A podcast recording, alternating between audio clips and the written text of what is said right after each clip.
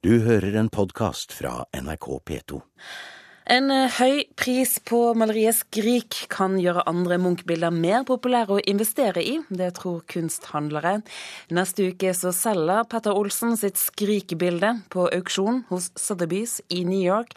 Og dette kan bli et av de dyreste salgene noensinne, og gir signaler om at markedet er friskmeldt fra finanskrisen, sier kunsteksperter. Det er jo veldig mye malerier som står hulter til bulter her. Ja, vi har akkurat avsluttet inntaket til kommende auksjon i mai. Og da står alt eh, langs veggene og er fotografert. Auksjonarius og daglig leder Hans Rikard Elgheim manøvrerer rundt alle de vakre landskapsmaleriene som står og ligger på gulvet hos Grev Wedels plass auksjoner i Oslo. Og så har du en klassiker, god gammel klassiker her, 'Gude'. Han selger også bilder av Edvard Munch. Men aldri den prisklassen pastellens Skrik er ventet å komme opp i på auksjon i New York neste uke. Prisantydningen er rundt 450 millioner kroner. Salget kan skape bølger i kunstmarkedet, tror Elgheim. For kunstmarkedets del er dette en enorm begivenhet, rett og slett fordi at det, det vil, bare det forhåndsestimatet det har fått, plasserer jo dette bildet i det aller øverste prissjiktet i verdenskunsten. Hva kan en høy pris eh, på Skrik bety for eh, dere andre som eh, selger Munch? Altså, Kunstmarkedet er drevet av mye av psykologi, som alle markeder er. Slik at en, en, suksess for å si det slik, for selger, altså en sensasjonell pris her, det er en positiv stimulans. Altså For det første så fastslås det at det må jo være et fantastisk kunstmarked når en sånn pris kan oppnås. Så jeg tror på en, en, en økt interesse for Munch etter dette salget? Den status som Munch har hatt som museumsmann, eller som museumsutstiller, har jo vært uomtvistelig de senere år. Uh, men nå vil vi også få i markedssammenheng få en bekreftelse på den viktige posisjonen han har, både i kunsthistorien, men også i markedssammenheng. Det sier Morten Sontag, faglig ansvarlig hos kunsthandler Kåre Berntsen. Også han tror salget av Skrik vil gjøre Munch til et mer populært investeringsobjekt. Det er det grunn til å tro, og som grafiker er han jo allerede veldig, pris, veldig høyt verdsatt. Men vi opplever at med maleriene har det vært blandede resultater, men vi er helt overbevist om at en høy pris nå vil det også påvirke markedet for maleriene fremover. Mange er ikke klar over at fire andre Munch-bilder også selges på auksjonen hos Sotheby's onsdag. Natt i St. Claude, Kvinne som speiler seg, Sommernatt og Klestørk i Åsgårdstrand'. Prisen de får avhenger av hvor mye Skrik går for, tror Elgheim. Jeg er temmelig overbevist om en slags smitteeffekt. Jeg tror at at går det riktig bra for Skrik, så vil det smitte over på de andre Munch-maleriene på samme auksjon. Det er ikke mange som har råd til å kjøpe Skrik. Elgheim regner med at Sotheby's får tak i en håndfull potensielle kjøpere. Men det er ingen garanti for at bildet blir solgt. Tenk om det ikke blir solgt. Hva, hva, hva, gjør vi da? Hva sier vi da? Hva gjør vi da? Reporter her, det var Ida Kvittingen. Kulturkommentator her i NRK, Agnes Moxnes. Hvem kommer til å kjøpe? Ja, Det er et veldig godt uh, spørsmål, men jeg kan si det sånn at hvis det blir rekordsalg, og hvis trendene fortsetter som de har gjort til nå de siste ti årene, så kommer ikke Skrik til å bli kjøpt av et museum, og ikke av en europeisk eller amerikansk uh, kjøper. Fordi kunstmarkedet på veldig mange måter speiler verdensøkonomien. Og de siste ti årene så er det satt en haug med prisrekorder, og de er satt av kjøpere fra Mexico, Russland, Brasil og ikke minst det arabiske land. Og det høyest betalte, altså det kunstverket det er betalt mest for noensinne, det er et maleri av Cézanne, og det ble kjøpt av kongefamilien i Qatar for 1,5 milliarder kroner nå i begynnelsen av 2012. Men hvorfor velger folk å gå til anskaffelse av eh, kunstgjenstander og kunstverk som koster så mye? Ja, det er jo rett og slett en synliggjøring av uh, suksess og pengemakt. Fordi det kalles jo trofékjøp, dette her. Og det å skaffe seg en rådyr Picasso, f.eks mens offentligheten ser på og følger liksom spenningen i salget, det er, eh, det er en, eh, en, måte å, å, vise hvem man er på, og hvilken status man har. Og i så henseende så passer jo Skrik godt. Ja, altså hva, hva tror vi om hvor mye det kommer til å gå for? Det, er, det er omsettes bilder privat, og det omsettes på auksjon. Og prisene på den private omsetningen er ofte veldig mye høyere. Sånn at det, eh, det, det bildet, maleriet som er solgt for høyest pris så langt på auksjon, er et Picasso-maleri som gikk for 600, vel 600 millioner kroner. Det, den prisen som er antydet på Skrik, er i underkant av 500 millioner kroner. Men det er veldig mange som ikke blir overrasket hvis det går for over 800 millioner. Og grunnen til denne høye prisen, det er at det er et ikon, altså et svært kjent eh, bilde. Det er det eneste som er i privat eie. Det finnes tre til, men de er jo da fastfrosset på museumsvegger her i Norge. Og så skjer det kanskje en gang per generasjon at det kommer et sånt bilde som dette her ut på markedet. Men den kanskje viktigste grunnen til at det kan oppnå en høy pris, det er at museene rundt omkring i verden står i kø for å sikre seg dette maleriet, som de antagelig, eller pastellen, da, som de antageligvis ikke kommer til å ha råd til å kjøpe. I den reportasjen vi akkurat hørte, så hørte vi jo liksom denne frykten for tenk hvis det ikke blir solgt. Altså Hvor viktig er det for Sotheby's å få solgt eh, Skrik nå? Ja, Det er eh, viktig for veldig mange auksjonshus rundt omkring at det selges, at det er en aktivitet i dette markedet her. Men det er altså to auksjonshus som dominerer dette markedet markedet i hele verden. og Det ene er britiske Christies, og det andre er amerikanske Sotheby's. Og Da familien til Stein Erik Hagen eh, skulle selge et annet Munch-maleri for et par år siden, 'Fruktbarhet', så gikk de til Christies, og det var ingen som bød på det maleriet. Og det er en eh, skandale, oppleves som det både av kjøpere og selgere. Og det fører til at selgere trekker seg unna, unna det auksjonshuset. Så det er ikke vanskelig å tenke seg at grunnen til at Petter Olsen, som nå skal selge Skrik, ikke går til Kristis, er nettopp dette her. Så han velger altså Sotheby's. Agnes Moxnes, takk for at du var med oss her i Kulturnytt. Du hører en podkast fra NRK P2.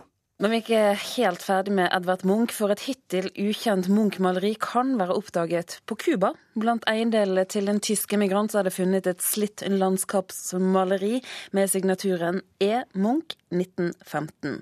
Konservator Petra Pettersen ved Munch-museet sier at det er umulig å slå fast om det er ekte, uten å ha sett det med egne øyne. Eierne er redd for at cubanske myndigheter skal ta bildet dersom det er en original, og bilder av dette maleriet det kan du se på våre nettsider nrk.no.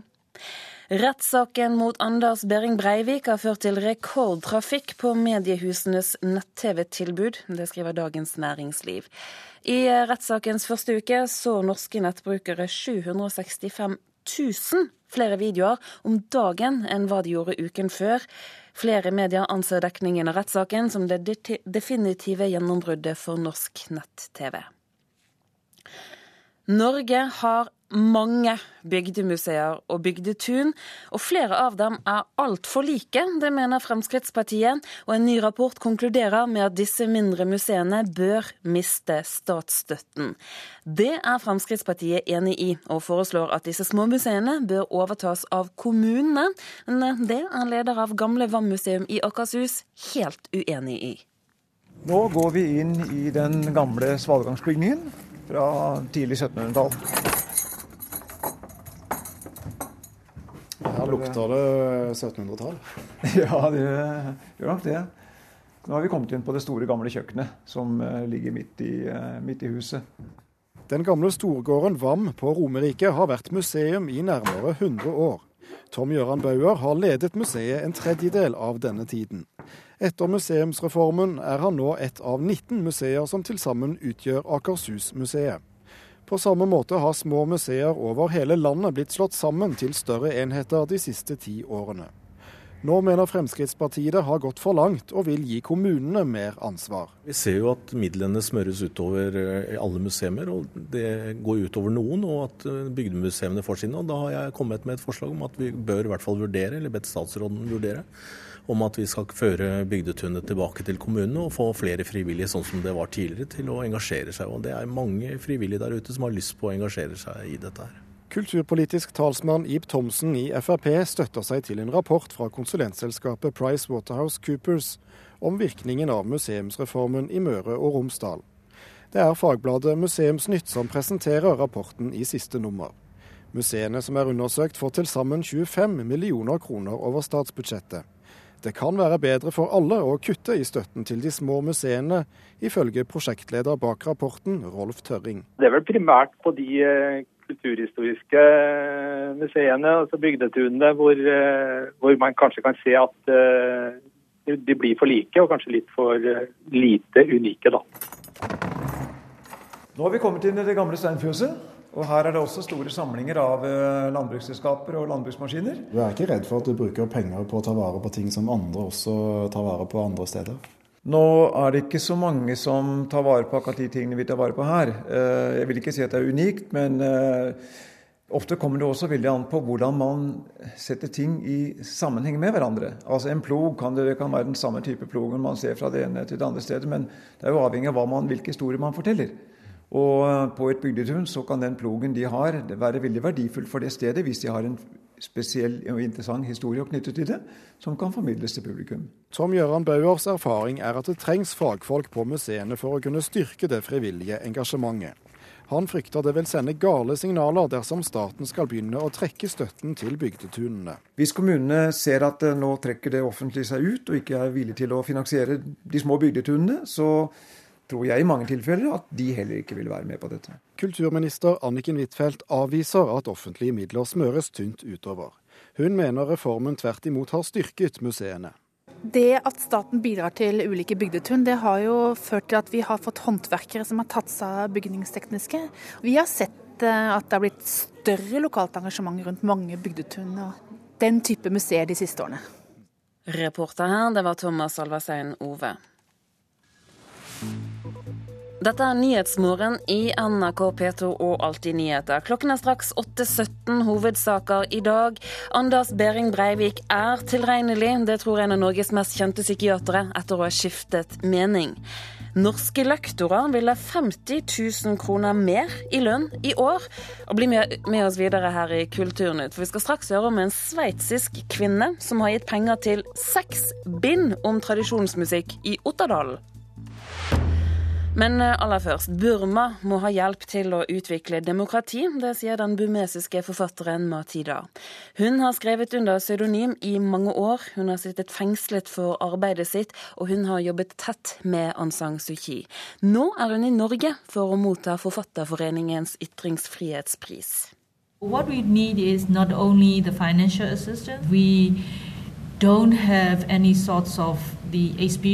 uh. Vi trenger ikke bare penger, men hjelp til å bygge et demokrati. Det sier forfatter, redaktør og politisk aktivist i Myanmar, Ma Tida, som er i Norge for å ta imot Forfatterforeningens ytringsfrihetspris. I fem år satt hun fengslet for sitt arbeid i National League for Democracy, det største opposisjonspartiet, ledet av nobelprisvinner Aung San Suu Kyi. Hun ble løslatt av humanitære grunner etter press fra internasjonale organisasjoner som Amnesty. The very simple thing is I always believe that finally we have to win what we want. So that simple belief give me strength. Det som ga meg styrke, var troen på at vi ville vinne frem til slutt, sier hun. Jeg er buddhist og mediterte mye. Nå er Ma Tida redaktør for flere uavhengige medier i Myanmar, og selv om de hele tiden må forholde seg til sensur fra myndighetenes side, har hun tro på en fredelig og demokratisk fremtid i det borgerkrigsherjede landet. You know, I, I do wish Burma will be a peaceful countries. We still have to have some sort of the struggle to have a sustainable peace with the ethnic groups. So I do wish we can solve the problem smoothly, peacefully, and we could maintain that sustainable peace forever. I was on the blacklist. I couldn't get any Jeg var svartelistet og fikk ikke artiklene mine publisert. Nå er situasjonen mye lettere, men vi har ikke pressefrihet før alle folkegruppene i Myanmar har medier på sine egne språk, sier hun. Utenriksminister Jonas Gahr Støre kan fortelle at Norge har satt av både tid og ressurser til å hjelpe Myanmar med å utvikle et demokrati. Vi vet hvordan man bygger et statistisk sentralbyrå, som er helt avgjørende for å kunne styre økonomien. Det trenger de. På noen sånne områder så kan vi eh, bistå dem. og Det har vi sagt fra, og det har vi tenkt å følge opp. Og Da handler det om minerydding, det handler om helse, det handler om vise folk at fred faktisk kaster av seg. Eh, eh, ministeren som er ansvarlig for disse fredsavtalene, var i Oslo i forrige uke. Han har avtalen i en bag. Så er, eh, de trenger altså det vi kaller eh, kapasitetsbygging og styrking. Det kan vi få til hvis vi begynner nå. Hvis det venter for lenge, så kan de bli offer for det mange land som har møtt mye velvilje, har blitt, nemlig kaos og ukoordinert innsats. Det sa utenriksminister Jonas Gahr Støre til reporter Eirin Venner Sivertsen. Du har hørt en podkast fra NRK P2.